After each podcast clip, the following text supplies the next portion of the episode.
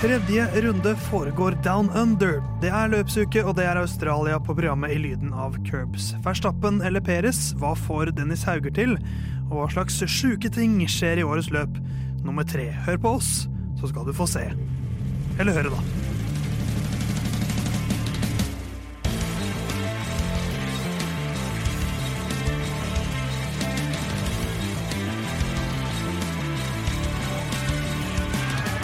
Ja, ja, mensan, Formel 1-journalistikkens svar på Se og Hør er tilbake i øret ditt. Det er lyden av curbs som er på plass. Nei da, vi er litt mer seriøse faktisk enn lyden av curbs, vil jeg i hvert fall hevde. Det er ikke bare hairsay det vi driver på med. Nei, men mye av det er litt skudd fra hofta. Eh, Vær varsom-plakaten den har aldri stått høyt eh, hos deg, Herman. Så kan vi få introdusert deg òg. Ja, hei.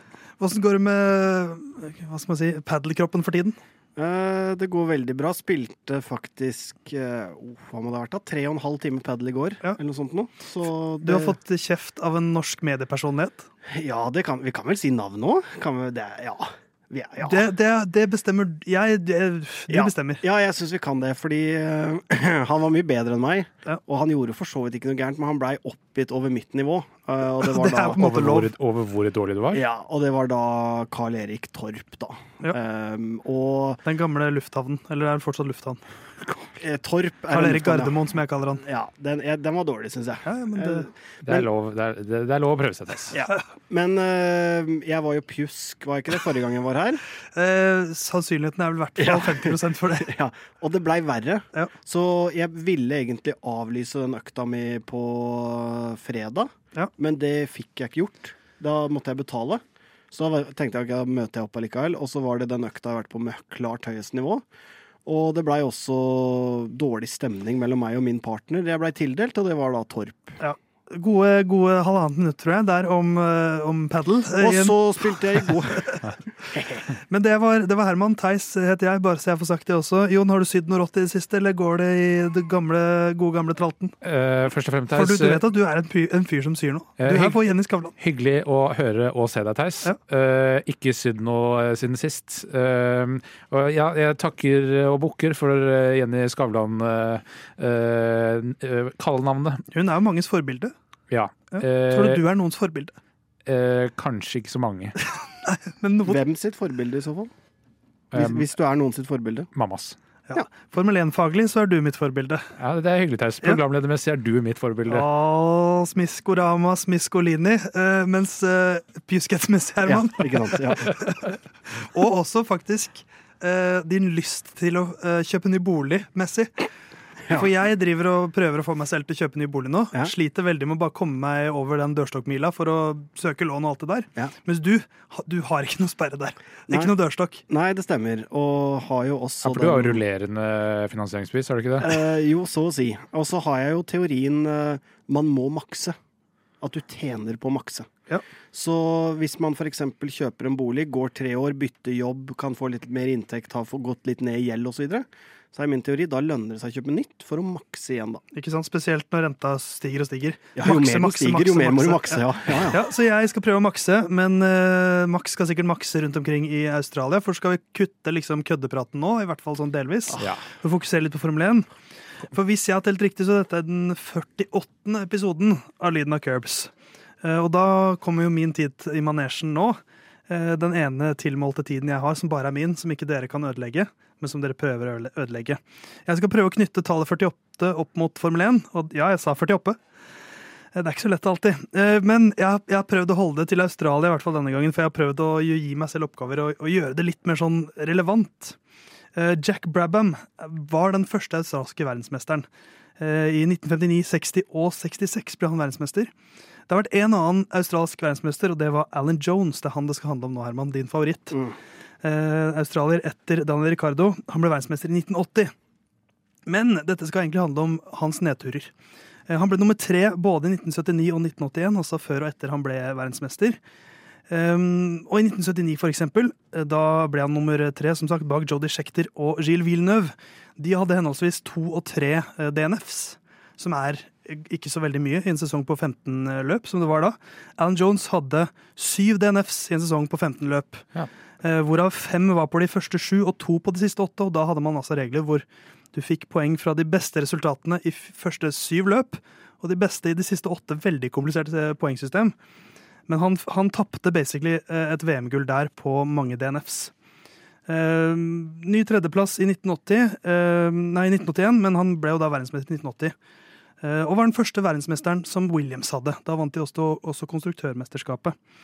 Um, det blir, det blir en lang vei til 48 her. Ja, ja, her, her har jeg gjort masse research. Jeg tenkte dette er også en mulighet til å lære litt om Formel 1-historie. Det er også litt sånn som når Jon Halvdan har banegjennomgang. Ja. Jeg, jeg har dette, ja. Herman har ikke fått med seg noe Nei. av dette, men eh, poenget tror jeg du skal få med deg. I 1981 så var han fire poeng fra VM-tittelen.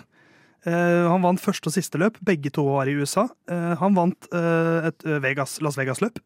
Det syns jo du er kult, Herman. Ja. For det var jo Las Vegas-løp på 80-tallet. Eh, og så hadde han en one time comeback, comeback også i eh, USA, på Long Beach i 1983. Og så hadde han et skikkelig comeback i 1985 for Haas. For da oppsto det første Haas-laget. Eh, Carl Haas, en amerikansk businessmann som ikke har noe med Gene Has å gjøre, Nei. men som fortsatt hadde et Haas-lag. Eh, første løp gikk ikke så bra. 9,8 sekunder bak Ayrton Senna i kvalik. Det er ganske mye. Det er ganske mye. Ja. Og eh, første løp så røk motoren etter seks runder. Så oppsummert, Alan Jones hadde mye uflaks i sin karriere. Til sammen 48 DNFs. Ja. Og hans aller siste på hjemmebane i Australia. Ja. Så derfor føler jeg at det var relevant. Australske Alan Jones, den siste australske verdensmesteren, hadde 48 DNFs. Den siste var i Australia. Eh, En lang vei til rom i dag, men vi kom dit til slutt. Jeg syns den var imponerende. Ja, ja, ja, du får for den. Ja, syns du det var, Hvor mye fikk du med deg av dette, Herman? Eh, 48 DNFs. Ja. Han var fra Australia. Ja. eh, var verdensmester. Ja. Eh, de kjørte i Las Vegas. Hvilket lag ble han verdensmester for? Eh, oh, det var ikke Haas, i hvert fall. Nei, det var Williams. Ja. Første Williams-verdensmesteren. Men sa, sa det totalen Han hadde 117 entries av de 48 DNFs. Han hadde rundt 40% DNF-rate. Det er ganske Eh, og så sjekka jeg litt på hva en del løp, eh, førere i dag har, og de har mellom 15 og 20% ganske mange eh, sånn DNF-rate. Så eh, reliability mm. er litt bedre i dag. Det er omtrent som Herman sin DNS-start her i Ja, men- podkasten. Men nå, Herman, nå er du inne i en god streak. Jeg er det. Skal vi prate litt om Australia Grand Prix, eller? Jeg syns bare dere skal legge merke til først hvordan jeg absorberer læring. Eh, For jeg fikk med meg noe. Ja. Klassisk han hadde vært på ungdomsskolen. Jeg hadde fått en firer. Ja. Jeg er ikke i nærheten av sekser, men ikke noe stryk heller. Snakker deg opp til firer, tror jeg vi sier. Mm. Vi skal prate om årets tredje løp. Vi kommer ikke til å snakke opp ned nå, for eh, jeg vil bare si det med en gang. Jeg er litt lei av alt det derre La oss snu eh, Race Week opp ned. La oss Alle lagene på Twitter legger ut sånne eh, løpsposters opp ned. Det er, det er mulig jeg Nei, jeg syns Alpinsen var morsom med ja, bilen i taket. Noen, det, for det er, på en måte, det er på en måte et slags metahumor. Ja, ja. Men når alle bare snur ting opp ned, litt, jeg er litt ferdig med det. Um, eller er du sånn som forherliger det konseptet, Herman? Um, jeg har ikke fått det med meg engang. Nei. Hvis jeg skal være ærlig, så har jeg ikke fått det med meg. Det er jo ærlig. Ehm, du, Jon, du er vår faktamann. Australias Grand Prix. Ja. Har du noe å si om den banen, eller?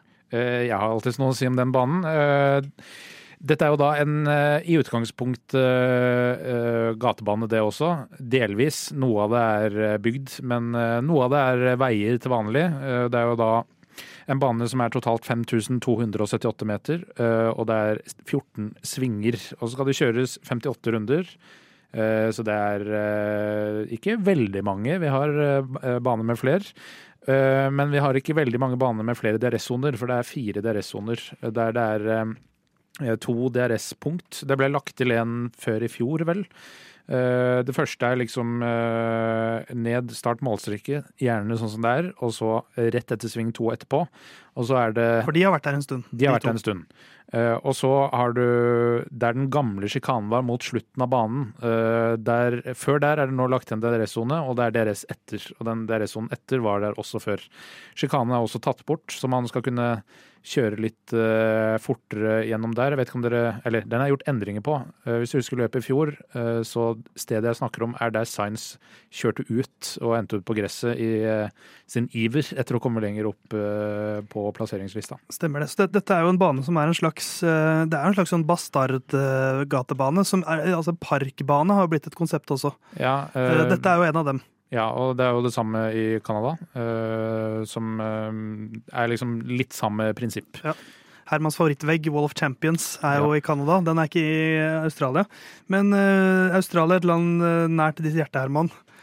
I hvert fall med en fører som er nært ditt hjerte, Daniel Ricardo. Ja. Hva, hvordan liker du Australias Grand Prix?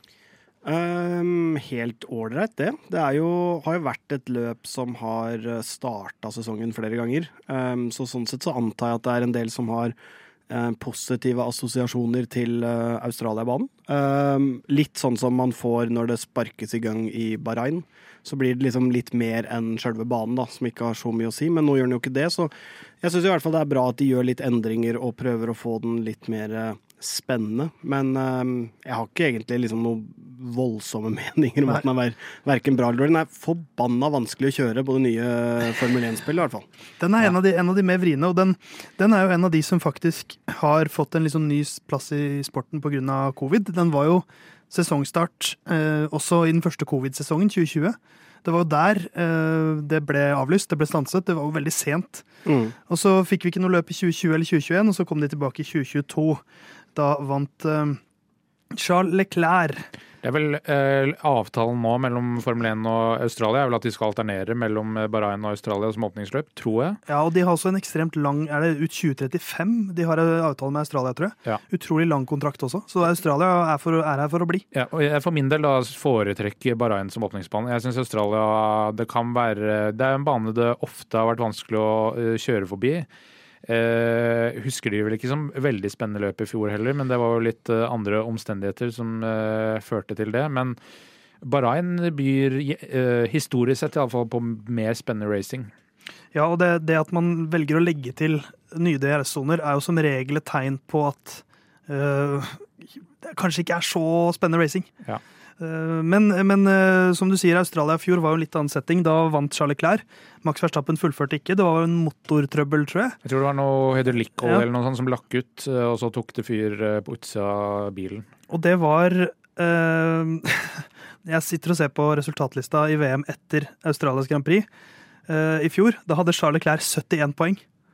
Bare smak litt på den. Uh, George Russell på andreplass hadde 37. Så hadde Sainz 33, Perez 30 og, og Hamilton 28. Max Verstappen hadde 25 poeng etter Australias Grand Prix i fjor. Så eh, nesten tre ganger så mye poeng hadde altså Leclerc eh, etter Australia i fjor. Det er ikke rart vi tenkte at dette er en Leclerc-sesong i starten her. Nei.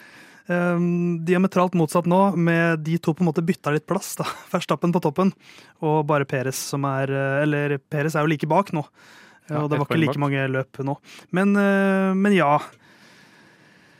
Eh, Det jeg husker best fra i fjor, er jo at det var da Alexander Albon hadde de 57 rundene på harde dekk.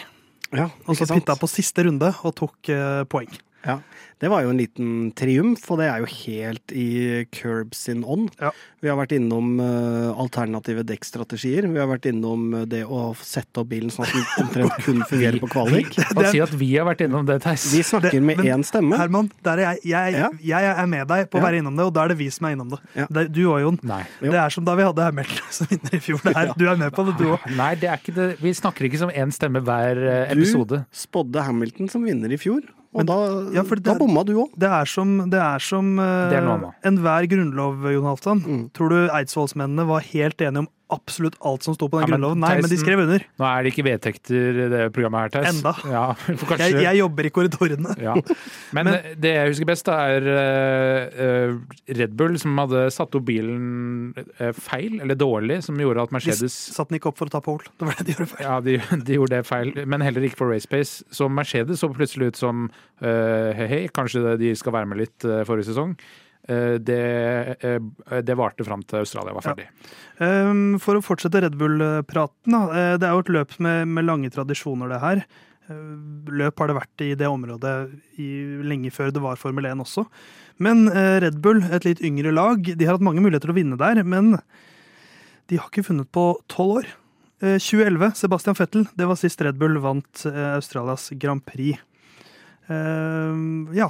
Det, jeg, tror, jeg tror den rekka står for fall, jeg. Ja, det vil jeg nok tro. Um, de ser jo svært så bra ut. Og jeg, nå kan de vel sikkert til og med bomme sånn som de gjorde i fjor, og fortsatt uh, vandre ganske sånn uh, enkelt gjennom det her, Ja. sånn det ser ut nå, da. Men uh, Samtidig så må vi jo Det er fortsatt såpass tidlig i sesongen at vi må på en måte tillate oss å ha en tanke om at det, det kan snu lite grann. Det kan være at, at ikke altså- det er helt eh, så overlegent som det ser ut, da. Ja, på en, altså, de er jo åpenbart eh, sårbare mekanisk. Mm. eh, og de, som alle andre, er jo sårbare mot krasj eller rødflagg og på feil side av safety car osv. Uh, de er mer eh, vaksinert mot den andre, kanskje. At de kan håndtere de fleste sånne ting. Men mekaniske feil er jo eh, de åpenbart ikke immune mot. Men, eh, men ser du, det har på en måte vært Det var jo ganske åpenbart i fjor på starten av sesongen at de sleit litt med, med driftssikkerhet.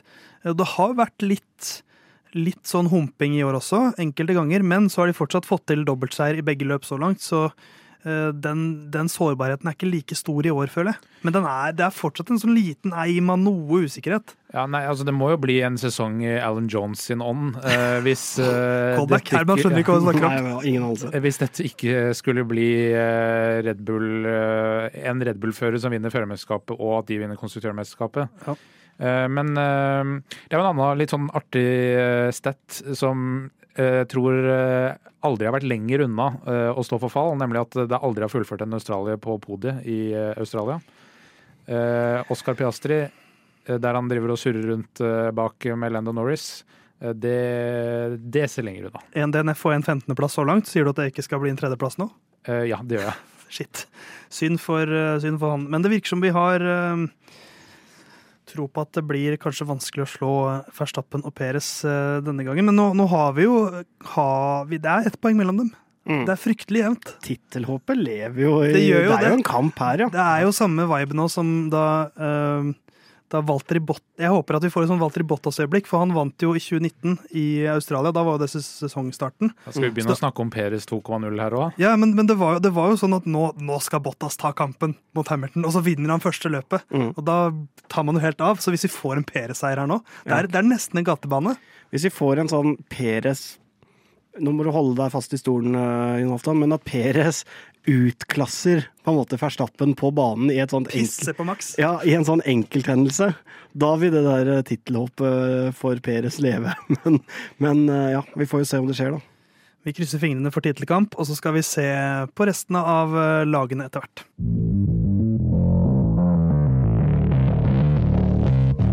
Aston Martin, vi går videre til eh, det nest beste laget, og det er der vi er nå, nå Herman. Den er, den er litt til deg. Det hørtes ut som du bare tiltaler meg som Aston Martin. Herr Martin, som jeg kaller deg. Ja. Eh, Aston Martin har eh, etablert seg som det nest beste laget, må vi nesten si. De Selv kan, de, vi kan vel ikke si at de har etablert seg, men eh, de, de, har, de har etablert seg i to runder. De er nummer to. De har 38 poeng, og de Lever har på- det med én eh, DNF mer enn Mercedes, Ja. som er jo da på lik poengsum, som på en måte viser at de i hvert fall har Etablert seg. etablert seg de har den flest- nest raskeste bilen så langt. tredjeplasser. De har flest tredjeplasser, alle sammen faktisk, til samme fører. Eh, hvor går veien videre nå, Herman? Vi har jo sett eh, for Spørsmålet er om de For du får alltid begynne når vi skal Mm. snakke om Aston Martin. Eh, tror du de gjør som Ferrari i fjor, at de begynner knallbra, og så har de på en måte tatt et steg, og da er det naturlig at utviklingen ikke blir like eh, imponerende? Ja. Eller, eller vil de fortsette å utvikle seg? Nei, altså Jeg er jo nærmest et talerør for Lauren Stroll. Ja. Um, Propagandaminister Borgstrøm? Ja, på en måte. Og um, sånn jeg leser han, da Er det kroppsspråksekspert du har blitt nå? Du leser. Nei, det Han ser er, selvsikker ut. Nei, han har begynt å lese på lepper. Nei, men sånn jeg leser han, um, er rett og slett at uh, jeg tror de ganske kjapt nå i år gir opp bilen. Lite grann. Ok. For han sikter mot neste år allerede. Fordi du, du, du tenker at de er sånn ja, OK, nå vet vi at vi er på rett Ja. spor, da går vi all in for neste sesong. Ja, det Driter i er om vi uh, blir nummer to eller tre denne sesongen. Ja. Det tror jeg faktisk. Så, så naiv er jeg kanskje, men altså Jeg tror jeg, Ja, Der syns jeg at du er sykt naiv. er, Altså, Jeg er enig i det. de, de er blant laga som har hatt bedre uh, in-season development, uh, altså til å utvikle bilen i løpet av sesongen. Mercedes er helt på villspor. De virker ikke, hva, virker ikke som de vet hva de skal gjøre. Ferrari eh, har fulgt samme stien, eller om det er Mercedes som har gått stien til Ferrari. Jeg vet ikke hva som har skjedd. Ingen av de virker å ha noe kontroll eller retning hvor de skal. Aston Martin de, det er denne sesongen, liksom. Du kan ikke Nei, begynne nei, nei. De er i gang med noe stort. De bygger et uh, imperium. bygger de et Men- imperium. Men, men tror du ikke at de også tenker at det er Red Bull som kanskje kan stoppe opp her og tenke på neste bil, Uh, fordi at de har et så stort forsprang nå? De vet at de har full kontroll. De kan slutte å utvikle i juni. Og så vet jo da eh, Aston Martin at hvis vi jobber hardt nå, så kan vi nærme oss, og så kan vi kanskje ta dem igjen. Og da kan vi vinne løp i eh, august, september, oktober. Ja, Eh, og så kommer vi ikke til å eh, vinne VM sammenlagt, men vi kan vinne løp. Ja og det i seg selv er stort for et ganske nytt eh, Ja. topprosjekt. Ja, det er jeg enig i. Um, det kan absolutt hende, det òg. men eh, det hørtes jo litt kulere ut å si at de liksom allerede nå skal begynne å tenke på Det neste hadde bil. da. vært veldig rått om de bare var sånn For da, det, det sier litt om ambisjonene, da, hvis de bare hadde sagt vi gir faen i denne sesongen, for nå vet vi at vi er gode nok. Ja, det hadde- All in for neste sesong, for da skal vi være enda nærmere. Men jeg tror jo kanskje ikke helt at det går den veien. Vi vet jo ikke hva som skjer eh, neste sesong. Når Nei. Mercedes nå eh, Altså, det blir jo sikkert åtte nye Red Bull-kopier også hos Mercedes eh, neste sesong. Og da vil konkurransen være hardere for Aston Martin. Ja, de har et forsprang, men i utgangspunktet skal Mercedes være bedre rusta til å ta inn det forspranget, eh, basert på hva slags personell de har.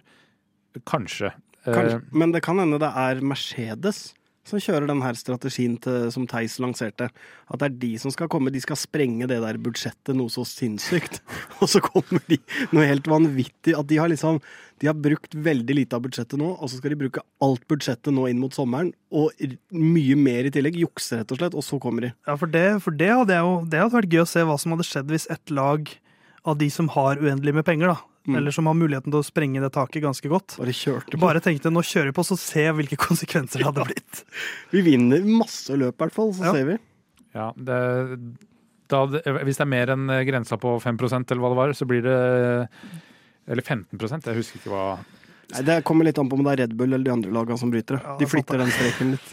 Eh, Det gjør det vel ikke. Men eh, ja, altså jeg, Aston Martin må kjøre på denne sesongen, for man vet ikke hva som skjer eh, videre. Altså, det er jo det samme det Red Bull gjorde i 2021. De kunne uh, droppa og starta tidligere å utvikle bilen uh, for 2022-sesongen, men det er sånn, dette er den muligheten vi nå vet vi har til å være i tittelkampen. Dette er også denne muligheten Aston Martin vet at de har muligheten til å bli klart eh, be, andre beste laget. Og man vil få løpseiere her og der hvis eh, Red Bull eh, snubler. Altså De er jo i skuddposisjon. Det er Ja, ja. de som tar førsteplassen hvis en eller begge av Red Bullene bryter. Hvis- Om man er uheldig med strategi. Ja, Hvis Red Bull hadde hatt driftssikkerheten fra i fjor, så hadde jo eh, Aston Martin tatt en seier på de første fire løpene, i hvert fall, tror jeg. Ja, jeg. da to seire nå. Ja, de hadde det.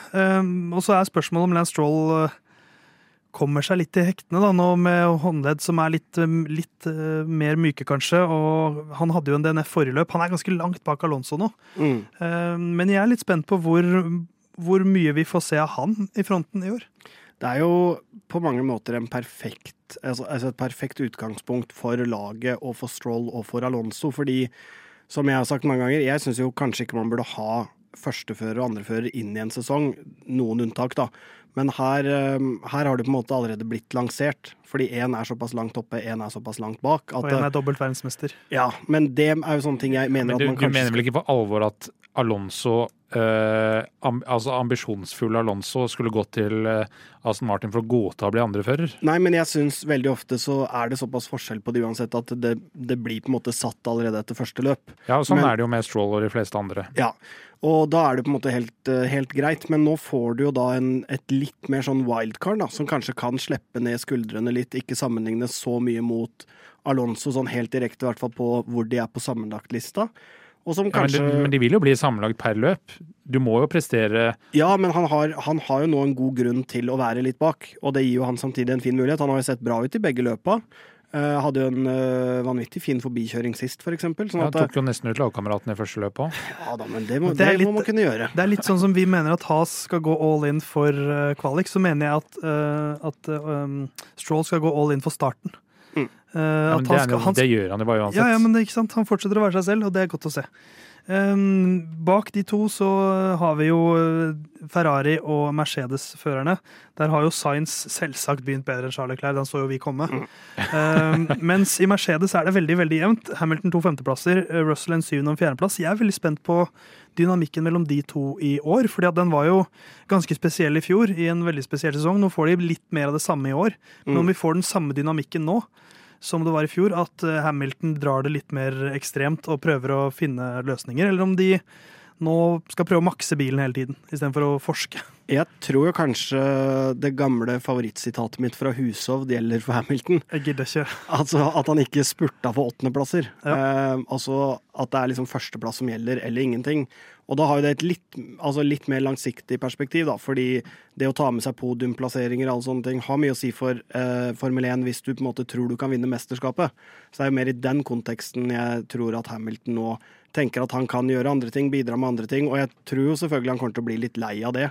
Men jeg tror ikke vi kommer til å få se et sånt bitende surt rivaleri eller at det på en måte tilspisser seg noe mer der. Det kan jeg ikke helt se for meg. Og jeg, og jeg tror også de aller fleste som har hatt en sånn karriere, begynner å ville gå ut på en litt sånn ålreit og fin måte. Man kan jo på en måte til en viss grad se det på Alonso òg. Han er har jo- blitt litt køddete han nå, på en måte. Det er jo blitt eh, Vi snakka vel ikke om det, men Angela Cullen er jo ja. fått eh, Altså, Assistenten til Louis Hamilton. ja, og personlig trener ja. og mentalcoach osv. Og god venn. Ja, de eh, annonserte jo at eh, vi avslutter samarbeidet. Eh, det var ikke noe sånn tydelig Mer at hun hadde fått en bedre jobb, tror jeg. Eller altså, hun hadde jo fått en annen jobb, bare. Ja. Eh, og så gikk eh, Toto Wolff ut og i praksis sa eh, Hamilton sparka henne.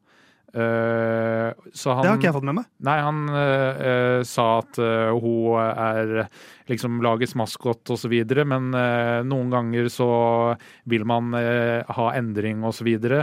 Eh, så han sa i praksis at Hamilton Det Det var- var Hamilton som avslutta. Det var ikke helt sånn jeg leste det, da. Fordi jeg, jeg, jeg følte det var enda mer sånn Man kan tolke det dit hen, men at det var mer sånn at av og til så er det på tide med forandring, og av og til er det Ja, men det, det det i praksis er, er at det er Hamilton som har sagt eh, at det er på tide med forandring. Det er ikke eh, Angela Cullen som har sagt det.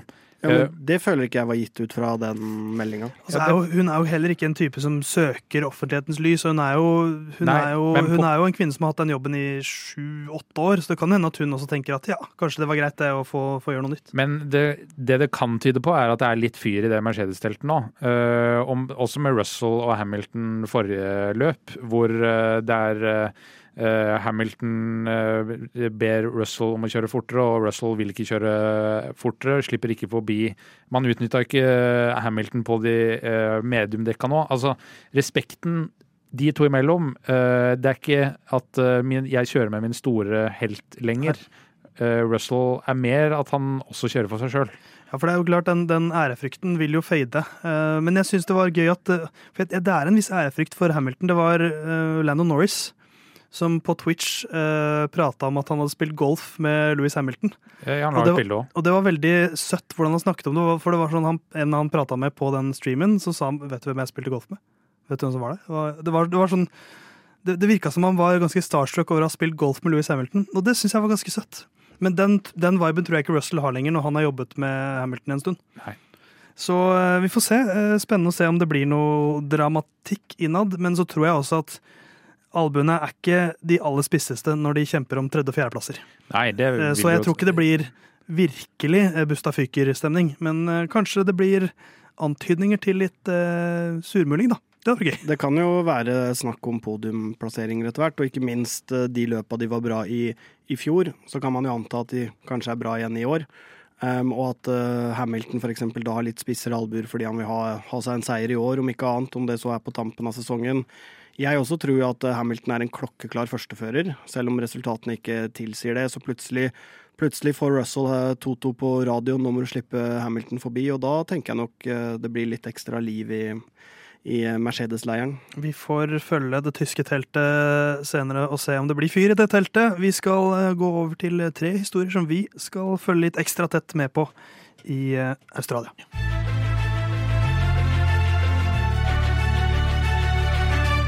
Mange eh, forskjellige historier eh, utspiller seg i løpet av en Formel 1-helg, og vi skal eh, lansere tre ting, tre historier du kan eh, følge litt ekstra med på, som vi også skal følge litt ekstra med på i denne helgen. Herman, kanskje du har lyst til å begynne? Hva er det du har litt sånn ekstra i kikkerten denne helgen? Nei, jeg hadde jo opprinnelig skrevet Hamilton uten Angela, men det har vi allerede snakka så mye om. Ja, At da har jeg endra til hjemmefavoritten, Oscar Piastri. Og hjemmefavoritten er jo rett og slett bare det at han er på hjemmebane. Det er jo svært få australske Formel 1-fans som har noe forhold til han, for han er jo, han er debutant. Men uh, Han er australsk, og det er litt som i Kollen at Ja. hvis det er en helt ny junior eh, norsk langrennsløper hjemmefavoritt. yes.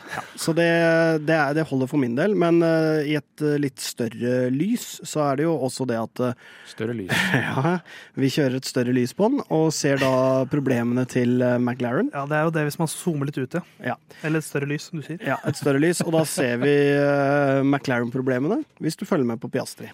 Så enkelt er det rett og slett for min del i den her nå, når Angela og Mercedes skulle legge ut om det, da. Den er jo på en måte en fjerde historie vi kan følge, som er litt interessant å følge med på. Men jeg er helt enig, det er jo faktisk det laget som ligger helt sist. Mm.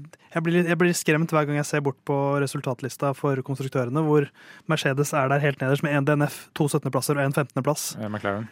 McLaren, hva sa jeg? Mercedes. Ja, de er ikke så mye bedre, de. uh, McLaren Mercedes er jo deres følgenavn, så jeg, det var bare det jeg refererte ja, uh. Men eh, jeg er helt enig. Piastri har jo uh, fortsatt mye å lære. Holdt jeg på å si. Han har fullført ett løp. Han ble nummer 15, da. Ja, jeg syns han burde lære av den eh, ene starten Ricardo hadde det året, hvor han kjørte rett ut på det gresset. Ah, det var jo i Australia, stemmer det? Ja, da- det første løpet i Renault, var det ikke det? Ja, det kan stemme. Det, var i det er sånn en hjemmefavoritt skal agere, syns jeg, da. Ja. All, all in, og det, det er NF på startstreket. Ja. Eh, En annen podkast, Shift F1, eh, sa det at eh, det må være OK for eh, Ricardo nå, og etter å ha kjørt rundt på 17.-plass alene, og nå se begge de andre førerne kjøre rundt på 17.-plass. Ikke sant. Um, du da, Jon Halvdan. Uh, har du noen uh, historier du har lyst til å følge litt med på? Ja, altså vi må utnytte muligheten når den først er her. Karpe, den såkalte DM-en. Ja, eh, Den interne tetkampen i Red Bull. Ja. Eh, Det er jo et lag som eh, eh, byr på mistro mellom førere. Eh, I hvert fall når den ene heter Max Verstappen og eh, er både grunnmur, pilar og eh, reisverk og tak i det laget. Iallfall skal man tro Christian Horner, for det er jo hans bortkomne sønn. Um, eh, og Peres eh, er veldig eh, hva skal jeg si, paranoid. Overkant paranoid etter eh, Saudi-Arabia, eh, hvor han fant på ting som ikke egentlig fant sted. Men så denne paranoiaen har jo også litt grobunn fra noe som skjedde i fjor i Brasil, f.eks. Selvfølgelig. Så det er jo en grunn til at han kanskje føler at her må jeg fikse alt sjæl, for her får jeg ikke noe gratis. Ja, Men dette er jo eh, to førere som er dynka i bensin, og det er ikke mye gniss som skal til før den kampen der tar ordentlig fyr. Nei, det er sant. Det, og det er, det er som du sier, at er, nå har vi den, den kampen her. Det kan hende, hvis vi er heldige, at dette blir Vi snakker om det i oktober òg. årets historie. Men at uh, det kan også bli sånn at Max vinner fire løp på rad nå. Mm. Og uh, selv om Perez blir nummer to da, så sier jo det litt sånn Ja. hva styrkeforholdet mellom dem egentlig er. Ja, og dette er jo da en gatebane som er eh, king of the streets. Det er jo uh, Sergio Perez, så um, man skal aldri si aldri. Uh, men det er jo klart at eh, en Max som klarer å fullføre kvalik eh, og ikke har uh, sittet på do hele uka før løp, eh, burde være litt bedre rustet. Den er tynn.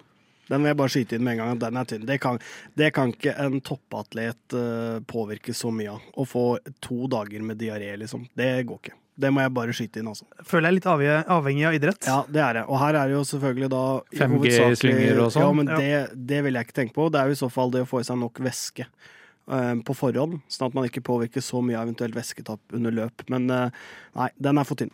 Den er, det må jeg bare skyte inn. Min personlige mening, det er for tynt. Ja, ja, men eh, altså kvalik er kvalik, eh, og starter man for 15.-plass, eh, så eh, Ja. vil noe ha noe å si likevel. Ja, jo da. Men tenk hvis vi får en DNF. Altså, jeg, jeg er jo veldig sjelden en som ønsker ulykke for andre, men tenk hvis vi får en DNF fra Verstappen her, og Peres vinner. Hva det har å si for bare spenninga. Han, hvis, Ja, han vil- øker, hvis han da er 26 poeng foran, eller 24 poeng foran eh, Verstappen plutselig. Ja, jeg føler det vil ha mer å si hvis uh, type Peres tar ut Verstappen, uh, og begge to DNF-er. Ja, ja.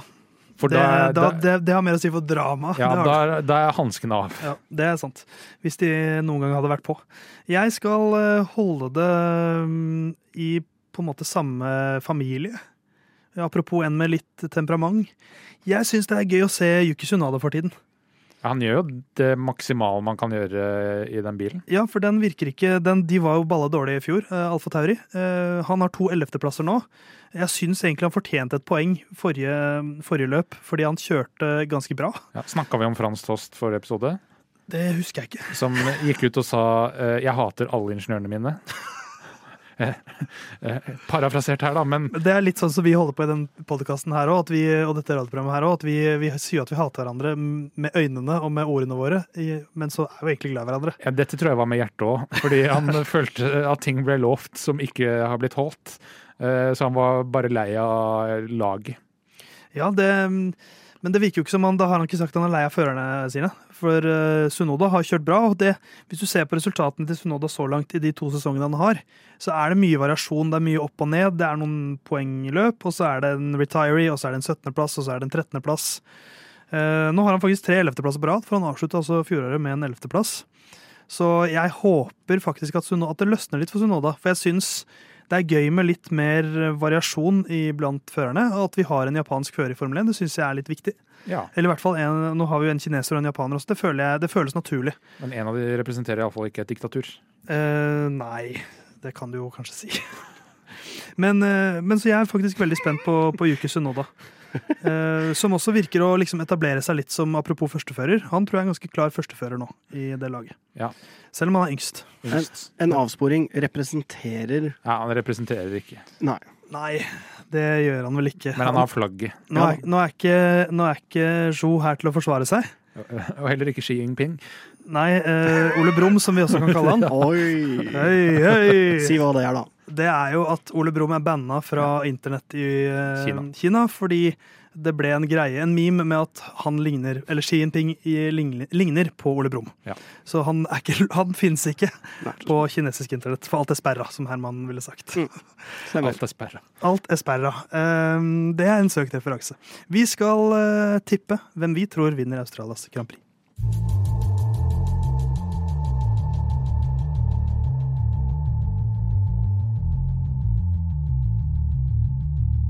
Lyden av Curbs sin tippekonkurranse suser videre med en ny runde, fordi at det er en ny runde i Formel 1. Vi tipper de tre beste førerne i hvert løp, og så tipper vi det vi kaller ukens sjuking, hvor vi forsøker å spå én sjuk ting som skjer i løpet av løpshelgen. Skal vi begynne med topp tre, og så tar vi ukens sjuking helt til slutt, alle sammen. Vi- kan levere vår topp tre først. Eh, Herman, Mm. hvem tror du blir nummer én, to og tre i Australia? Verstappen, Perez, Alonso. Hvorfor ler dere? Hvorfor ler dere? Nei, jeg ler ikke. Jon, gidder du å ta en kjapp copy-paste, eller? På, på mitt navn? For jeg har det samme tipset. Ja. Og det har sikkert du òg. ja. Det, men Men jeg er jo den, på en måte den originale uh, være uoriginal. Ja, du er kanskje det. Men, men på alle våre podkastepisoder og radioprogrammer så har vi aldri tippet det samme, alle tre. Nei, det er Så det måtte jo skje før eller siden. Ja. Mm. Eh, la oss håpe det blir første og eneste gang. Eh, kanskje det var ukens sjuking, at vi tippa likt. Det var det vel ikke. Men eh, Herman, du kan få begynne med å levere ukens sjuking, som da er noe sprøtt og uforutsett som skal skje i løpet av helgen. Du må få det godtatt av én av oss to, Mm. Jon Halvdan eller meg, Ja. for å få den godkjent. Og av meg får du aldri godkjent. Nei, det vet jeg. Så mitt forslag, Theis, det er at i løpet av race og kvalik så vises Danny Ricardo på min Viaplay-sending i hvert fall sju ganger. I løpet av Kvalik pluss race. kvalik og race. Og logikken er da at de kan vise den på en måte Hvis, hvis han er der i det hele tatt, så kan de vise den tre ganger på kvalik, tre ganger på race. Det er en viss sannsynlighet for det hvis han er der, men ikke sju. Um, Jeg syns det er litt for lavt.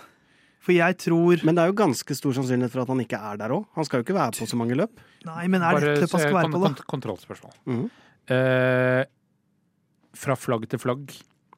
Ikke Ja, for vi må ha, vi må ha en tidssone. Ja, ja for, hvis, for, for der kan du være enig. Hvis det er syv ganger i løpet av Fra grønt lys eh, i kvalik eh, til eh, flagg. men, men, og er, men er det da starten av Q1 til slutten av Q3? Hele det tidsrommet? Ja. Jeg kan godta det, hvis vi sier det samme om løpet. ja At det er fra start til slutt i løpet. Det er fra pit lane åpner under løpet. Nei. Nei, fra, Det må lights være out. fra formasjonsrunden. Jeg syns det må være fra lights out. Ja, men, Men du, det, du, men du får hele Jeg tenker at kvalik er sjansen din her, for, her, for der får du av meg hele kvalik-session. Fra, fra første session starter, Ja. fra Q1 starter, til Ja. Q3 er ferdig. ja. Og så ikke før OK, men jeg må ha ett min før formation lap. Formation lap pluss ett Altså, min, og så hele han vil jo gi deg lights out. Jeg vil ha det. Ok, Du men ok, du skal få formation lap. Ok. Ja. ja, greit. For, formation lap til, uh, til første bil er i mål. Ja. OK? Syv ganger. Og du er ansvarlig for Ja. å Ja, ja, ja. keep track og bevise. Ja, du, må, du må ta bilde Ja da, det skal jeg gjøre. Det er det her føler jeg kan skje, men syv er ganske mye, da. Ja, problem Hvis han er der, Ja. så er det ganske sannsynlig. Men det er jo sikkert uh, rundt 50-50 om han er der eller ikke. da. Ja, for det er jo sagt, det, den, den skal du også få. Det er, grunnpremisset her er jo at han må være der.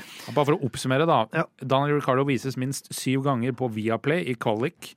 eh, parentes fra pit lane åpner til eh, flagg, parentes slutt, og løp, parentes fra formasjonsrunde til første bil i mål, parentes slutt. Jeg syns det er en god ukens sjuking, Herman. Takk. Liker den. Eh, vil dere høre min? Få høre din. Verken Red Bull, Aston Martin, Mercedes eller Ferrari får doble poeng. Så ingen av de fire lagene har sant. to biler på poeng. Altså, det er jo veldig usannsynlig, da. Det er det. Det hadde Ja. vært sjukt. Jeg håper at det blir et slags kaosløp, at eh, Red Bull får én DNF i hvert fall på, på at en bil stopper opp, eh, at det blir litt krasjing, litt uflaks her og der, sånn at eh, ingen av de lagene har to biler på poeng. Ja, det er jo vanskelig å argumentere mot det, på en måte. Ja. Jeg tenkte alle, alle fire topplagene, da skal det gå ganske mye galt. Mm. Men eh, det er min Ingen av lagene får doble poeng.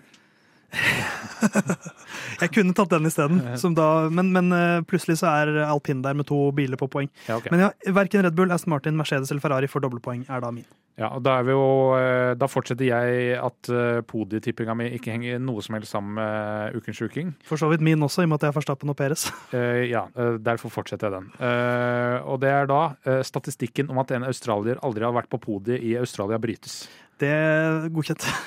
For da er det Oscar Piastri, eller så må med- Peres eller Verstappen bli Ja. sjuk, og, da Ricardo må inn. Og da, nesten- da går Og da går Herman Herman sin opp også. Ja, Men det er nesten mer sannsynlig, da. Ja. Faktisk. Men eh, samtidig så vi, den er jo allerede godkjent, men vi retter litt grann, eh, et, et spørrende kritisk spørsmålstegn, for å kalle det det, mot at her er det rett og slett ikke bare én fører over en annen, det er bare én fører på en viss plass. Ja. Så jeg, jeg syns den er på litt tynn. plasser. Jeg synes den er litt tynn, men det er greit. Jeg, jeg har jo ikke noe stemmemakt. Men det er, det er på nivå som å, som å si at uh, Kevin Magnussen tar pole. Ja, men da ville samtidig jeg fått beskjed om at ja, men jeg syns det er litt tynt. Det er, Ja. Vi godkjenner den, men vi syns det er litt tynt. Men, Nei, men der, er jo behandles, ja. der behandles man også ulikt, i og med at én person i studio hadde en slags tendens i tippinga si i fjor. Uh, mens det var litt mer variasjon hos de andre, vil jeg påstå. Men nå, Herman, syns jeg du har vært knallgod. ja, nå, er- min er den Fle, beste. flere, akkurat uker, den, flere eh, uker på rad så har du vært knallgod. Denne uka her er den beste. Så Herman, du, er vår, du har samme utvikling som Aston Martin, rett og slett. Um, det var uh, våre tips. Vi får se hvordan det går.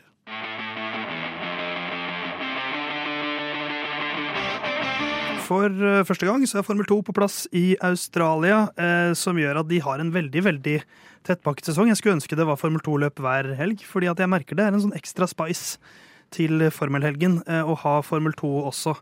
Albert Park med Dennis Hauger, men en oppladning som vi kan vel si ikke har vært helt optimal. Eh, For Dennis ble, har, har vært på sykehus, rett og slett. Mistanke om blindtarmbetennelse. Etter litt ultralyd og en CT-sjekk så slapp han operasjon. Men han mista da verdifull eh, simulator, simulatortid. Har da manager Harald Heusmann sagt til NRK eh, at det går greit, men det er jo ikke ideelt å gå glipp av trening. Så det virker jo som en sånn hva skal man si, Signalene jeg får, er sånn fysisk sett så er ikke dette noe problem, men det er mer at forberedelsene Han har fått mindre tid til å gjøre lekser. Uh, han har fått- melding hjemmefra. Mamma sier at jeg ikke har hatt, fått tid til å gjøre lekser, for jeg har vært syk. Det er litt den viben jeg får. Men her er jo eh, det er veldig lav takhøyde for eh, Eller veldig høy Det er umulig å, å få noen unnskyldninger for medisinske årsaker i denne podkasten her. Ja, det er sant. For du mener jo at her, uansett hva som hadde skjedd der, Herman Ja. Ref, det som skjedde med Alexander Albon i fjor da han fjerna sin blindtarm og var ganske sjuk og måtte ligge i eh, hadde, Det var jo ganske Det dramatisk, var, noe, egentlig. det var vel en eller annen kom, type komplikasjon med eh, Han- operasjonen. Han eller sånt reagerte på ja.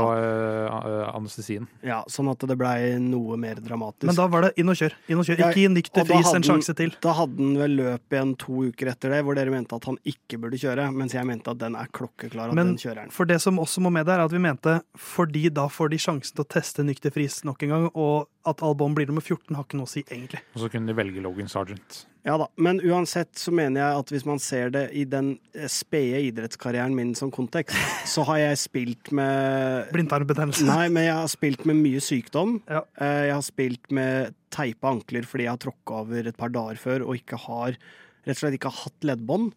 Og hvis man ser på ordentlig store atleter, da, så er det jo godt belyst i The Last Dance hvordan han Michael Jordan er dødssyk og Ja. drar laget til seier. Altså, det er vanlig i Men- idrett. Det er kanskje derfor du aldri har kommet helt opp til toppen? Fordi du ikke har tatt skade seriøst? Ja. Men, eh, men Dennis Hauger, eh, ikke noe signaler på at han ikke skal kjøre i Australia, og det virker jo som sagt som en sånn eh, Ikke noe som preger han fysisk på løpsdagen, Mm. men som har preget oppladningen litt. Så optimalt er det jo ikke, men nå har det jo vært litt tid mellom Jeddah og Australia, heldigvis. Men eh, det er jo litt typisk, da, når det virker som om ting liksom eh, funker litt. Jeg syns jo han har kjørt veldig bra. Ja. Eh, men, men kvalik har liksom skjært seg litt, eh, og så har det vært alltid noe som ikke har funket. Og så kommer Billintarmen og sier hei, hei, og gjør at det ikke blir helt optimal oppladning. Men det har kanskje ikke så mye å si. Eh, Nei, altså er jo Det blir jo litt øye som ser igjen, spør du meg, da. Altså hvis man tillater en ikke 100% optimal oppladning å påvirke, så vil det påvirke. Um, og det, det kan godt hende at det er marginer å hente her og der, men uh, jeg er helt sikker på at sånne toppidrettsutøvere som Hauger Ja, men- og de andre Når, ja, de men, skal, ja, men når de skal til Australia for første gang, så har jo åpenbart simulatortid noe å bety. det ja, litt det, ja. men det, og hvis han har gått eh, glipp av det fordi han har litt aue i magen, så tror jeg det går helt greit, altså. Han har, han har ligget på sykehus. Ja. Ja, ja. Da er det ikke bare litt alvor i magen. Nei, men det er ikke alle som er så store og tøffe som Herman. Nei. Eh, Det er klart. Han er men jeg kongen kan- av pjusk. Jeg kan garantere at alle de er 100 ganger tøffere enn meg, og jeg har pressa meg gjennom litt eh, dritt for å spille på lavt nivå. På COD, eller? Lavt nivå på COD? Jeg på. Nei, der er jeg på relativt greit Der er han på veldig lavt nivå. Men, eh, men det blir jo en, en viktig helg. Det har vært mye variasjon så langt i Formel 2-sesongen. Det er Ralf Borsong leder med ett poeng på Theo Porcher. Og det var jo det som var så positivt i Saudi-Arabia, var jo at eh, Dennis Hauger kom nærmere toppen. Eh, Selv om det var litt sånn eh, litt stang ut, på en måte, så ble han jo nummer åtte og nummer fem, så det var en veldig god helg. Med tanke på mesterskapet, da, som han egentlig kunne fått enda mer ut av. Men hvis han, hvis han ender Australia-helgen nærmere toppen enn han er nå, da er jeg fornøyd. Det er liksom det jeg tenker litt på nå. at det er så mye variasjon. Poengmessig eller plasseringsmessig? poengmessig. Jeg tenker kun poeng, for at eh, han skal på toppen til slutt. Poeng. Jeg, eh, jeg vil jo dømme hans helg etter, eh, etter kvalik, må jeg innrømme nå. For det, det har vært Så du Du skal er- se live, eller? Hæ? Du skal se en live òg, kvaliken? Eh, Den er tidlig, er den ikke det? Eh, Eller er- seint, alt ettersom. Kommer er, tilbake nei, til den er faktisk, ja, vi kan ta det etterpå. Det er, for jeg har sett eh, Jeg har gått gjennom de tiende, og jeg skal få kjørt meg litt i helga, ja. Det skal jeg. Men uh, Theis er jo vanligvis den som er mest interessert i kvalikkaos. Men her mener jeg jo at uh, Jeg skjønner ikke hvorfor jeg Du som er så glad i, i, i, um, i Drive to Survive, Herman. Ja. Der er de også ekstremt gode på å snakke opp kvalik. At det er Da får du se bilene Ja, ja. på sitt råeste. Men og Theis, det betyr mye. det har Fordi at hvis du betydd- kvalifiserer best, så starter du foran, og da vinner du løpet. Fra-. Fra 2022-sesongen så har det ikke kvalik betydd mindre. Nei, det er sant. Si det når vi kommer til Monaco. Eh, altså generelt.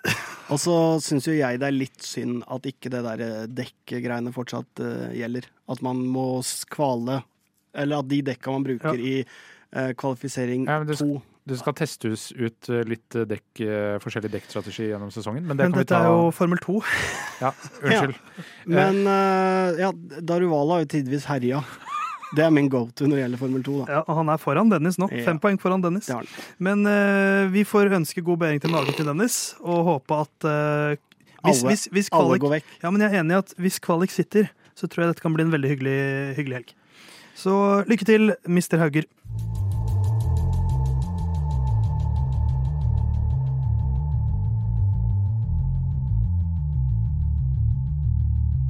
Free practice eh, er et begrep som eh, er knyttet til Formel 1. Herman von har ikke tatt på seg headsetet, og det syns han er veldig gøy. Ja. Eh, Men eh, free practice er jo noe som er til hver Formel 1-helg. Så har lagene x antall timer til å teste ulike ting. Ja, minimum to, Minimum to. som regel tre. Som regel tre. Eh, Og sånn har det vært ganske lenge. De har blitt litt kortere. Ja, Før så var det vel eh, begge fredag var halvannen time, og så én time på lørdag. Nå er jo alle én time. Eh, og noen er, runder er det bare to, siden eh, den ene timen brukes til kvalik før sprintløpet. Og nå er det høye og mektige frakker som kanskje syns at eh, free practice er for kjedelig. ass. Ja, eh, Stefano Dominicali, eh, CEO vel, i Formel 1. Det er litt sånn tredelt eh, hode her. Du har Fia, eh, Liberty Media og Den dominikalske republikk. Ja. Eh, Men eh, han eh, er fan av å slette free practice fra kalenderen, fordi det gagner bare ingeniørene, ikke publikum. Ikke sant. For det han sier da, er at med free practice så får de for mye tid til å drille. De får tid til å liksom teste alle feil ved bilene sine. Førerne får for mye trening rundt banen, og da går det litt for bra. Alt går litt for på skinner på løpsdagen. Er det det som er poenget? Eh, ja, altså poenget er jo å dra folk uh, til banen alle tre dagene. Spesielt da det betalende publikum, som må betale hvor mye for uh, type radio og en drikke. I Spania, da, for eksempel. Ja, nei, det vet jeg jo ikke, for jeg fikk det jo i gave. Ja, ikke Så det vet jeg ja, jeg men du vet jo hva en drikke kosta der. Ja, men vi hadde med vann. Okay. Det ble veldig sånn eh, Så Ja. Ikke noe som helst ekstra intel for han som har vært på løp.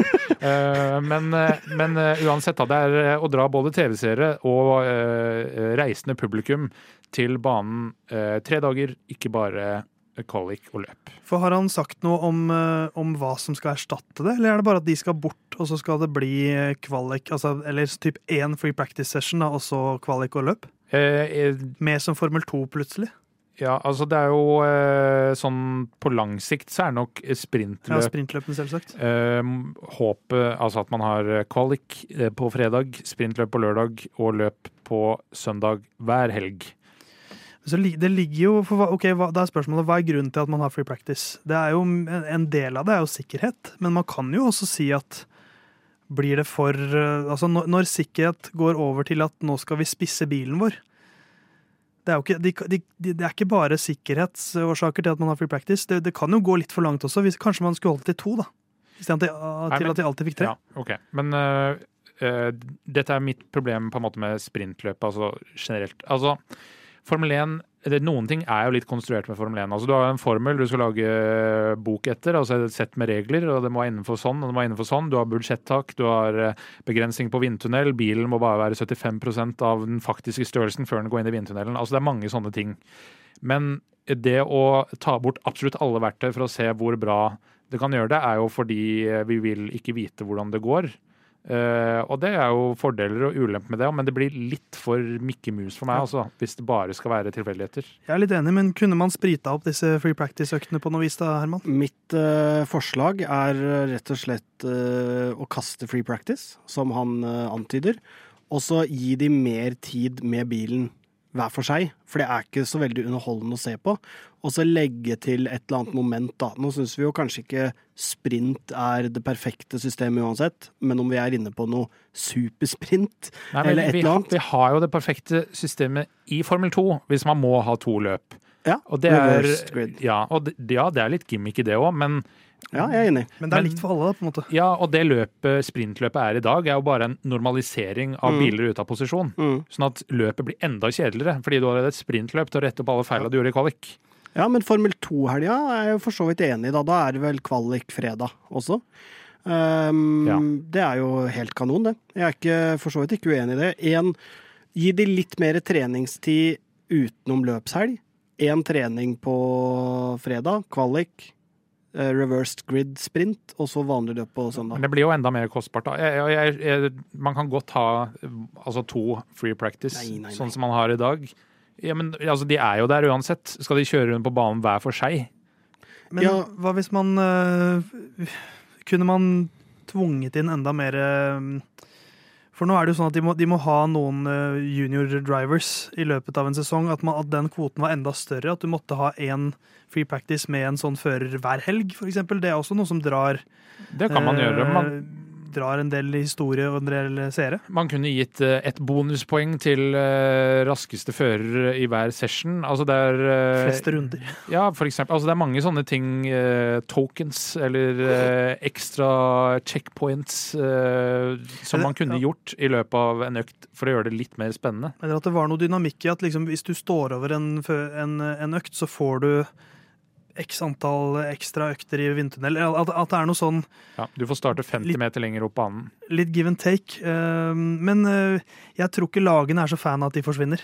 Nei, altså, Kjenner jeg lagene rett? ja, hva er poenget da med å bruke så mange penger på altså Det er jo til syvende og sist et konstruktørmesterskap her også. Eh, Eller skal man bare drive på med Indycar da, og ha spekkbiler, og så er det beste føreren og de som er best å sette opp bilen, framfor at man også skal utvikle bilen? Jo, men eh, spørsmålet er om man kan legge til den utviklinga i, altså i et annet ledd, da. At man kan gjøre det utenom løpshelga, og så kan man gjøre noe mer morsomt for seerne i løpshelga. Ja, men Flest driftpoeng.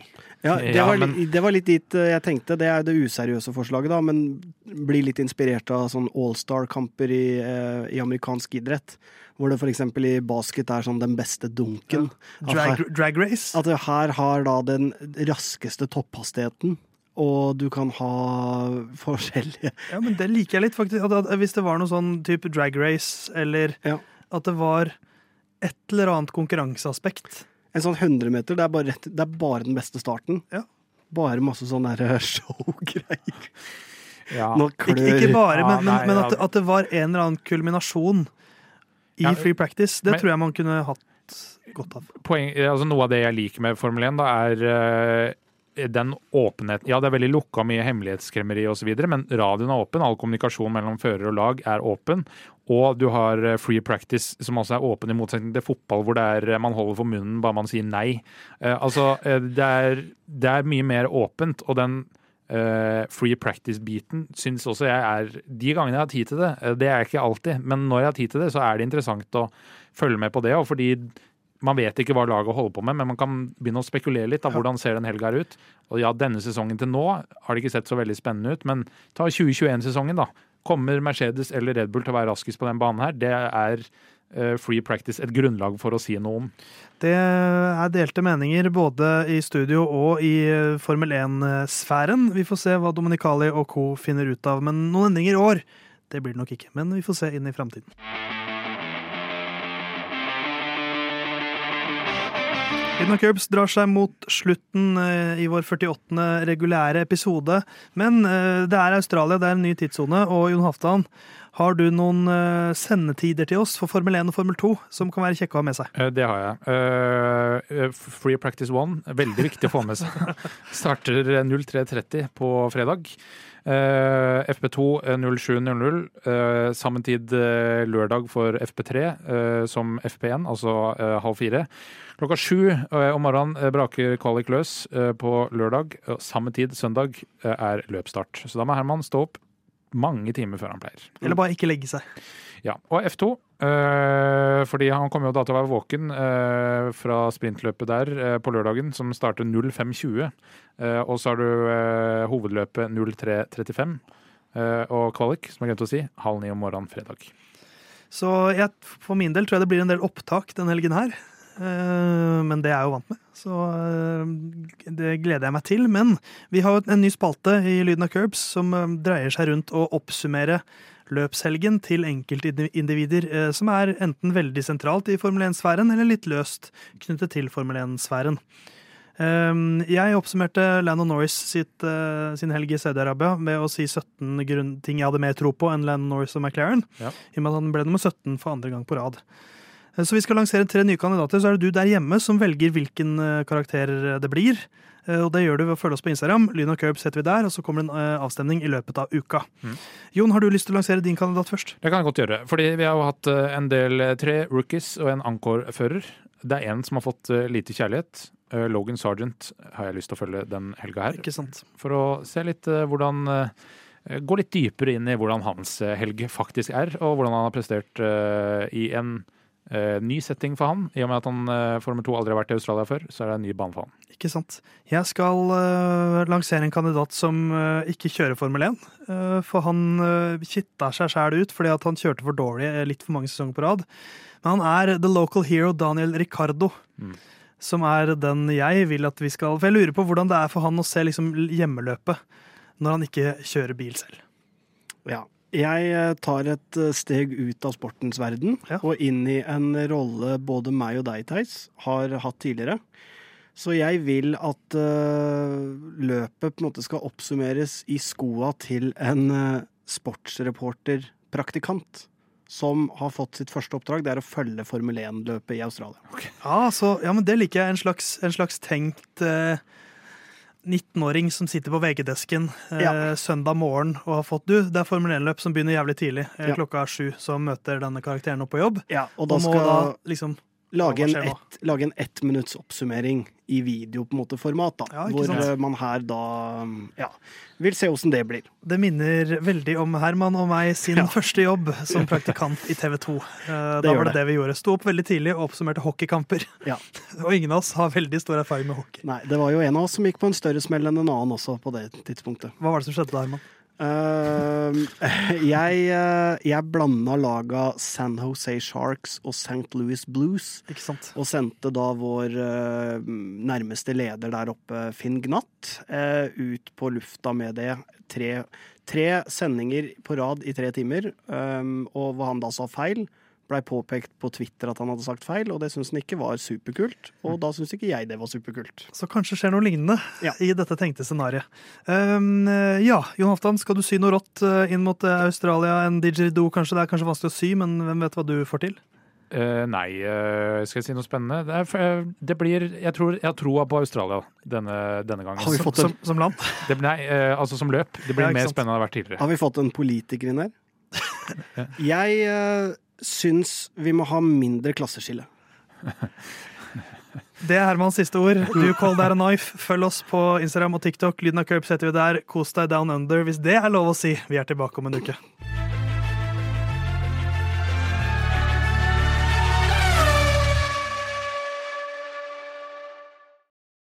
Good luck this weekend, Stroll. Thanks.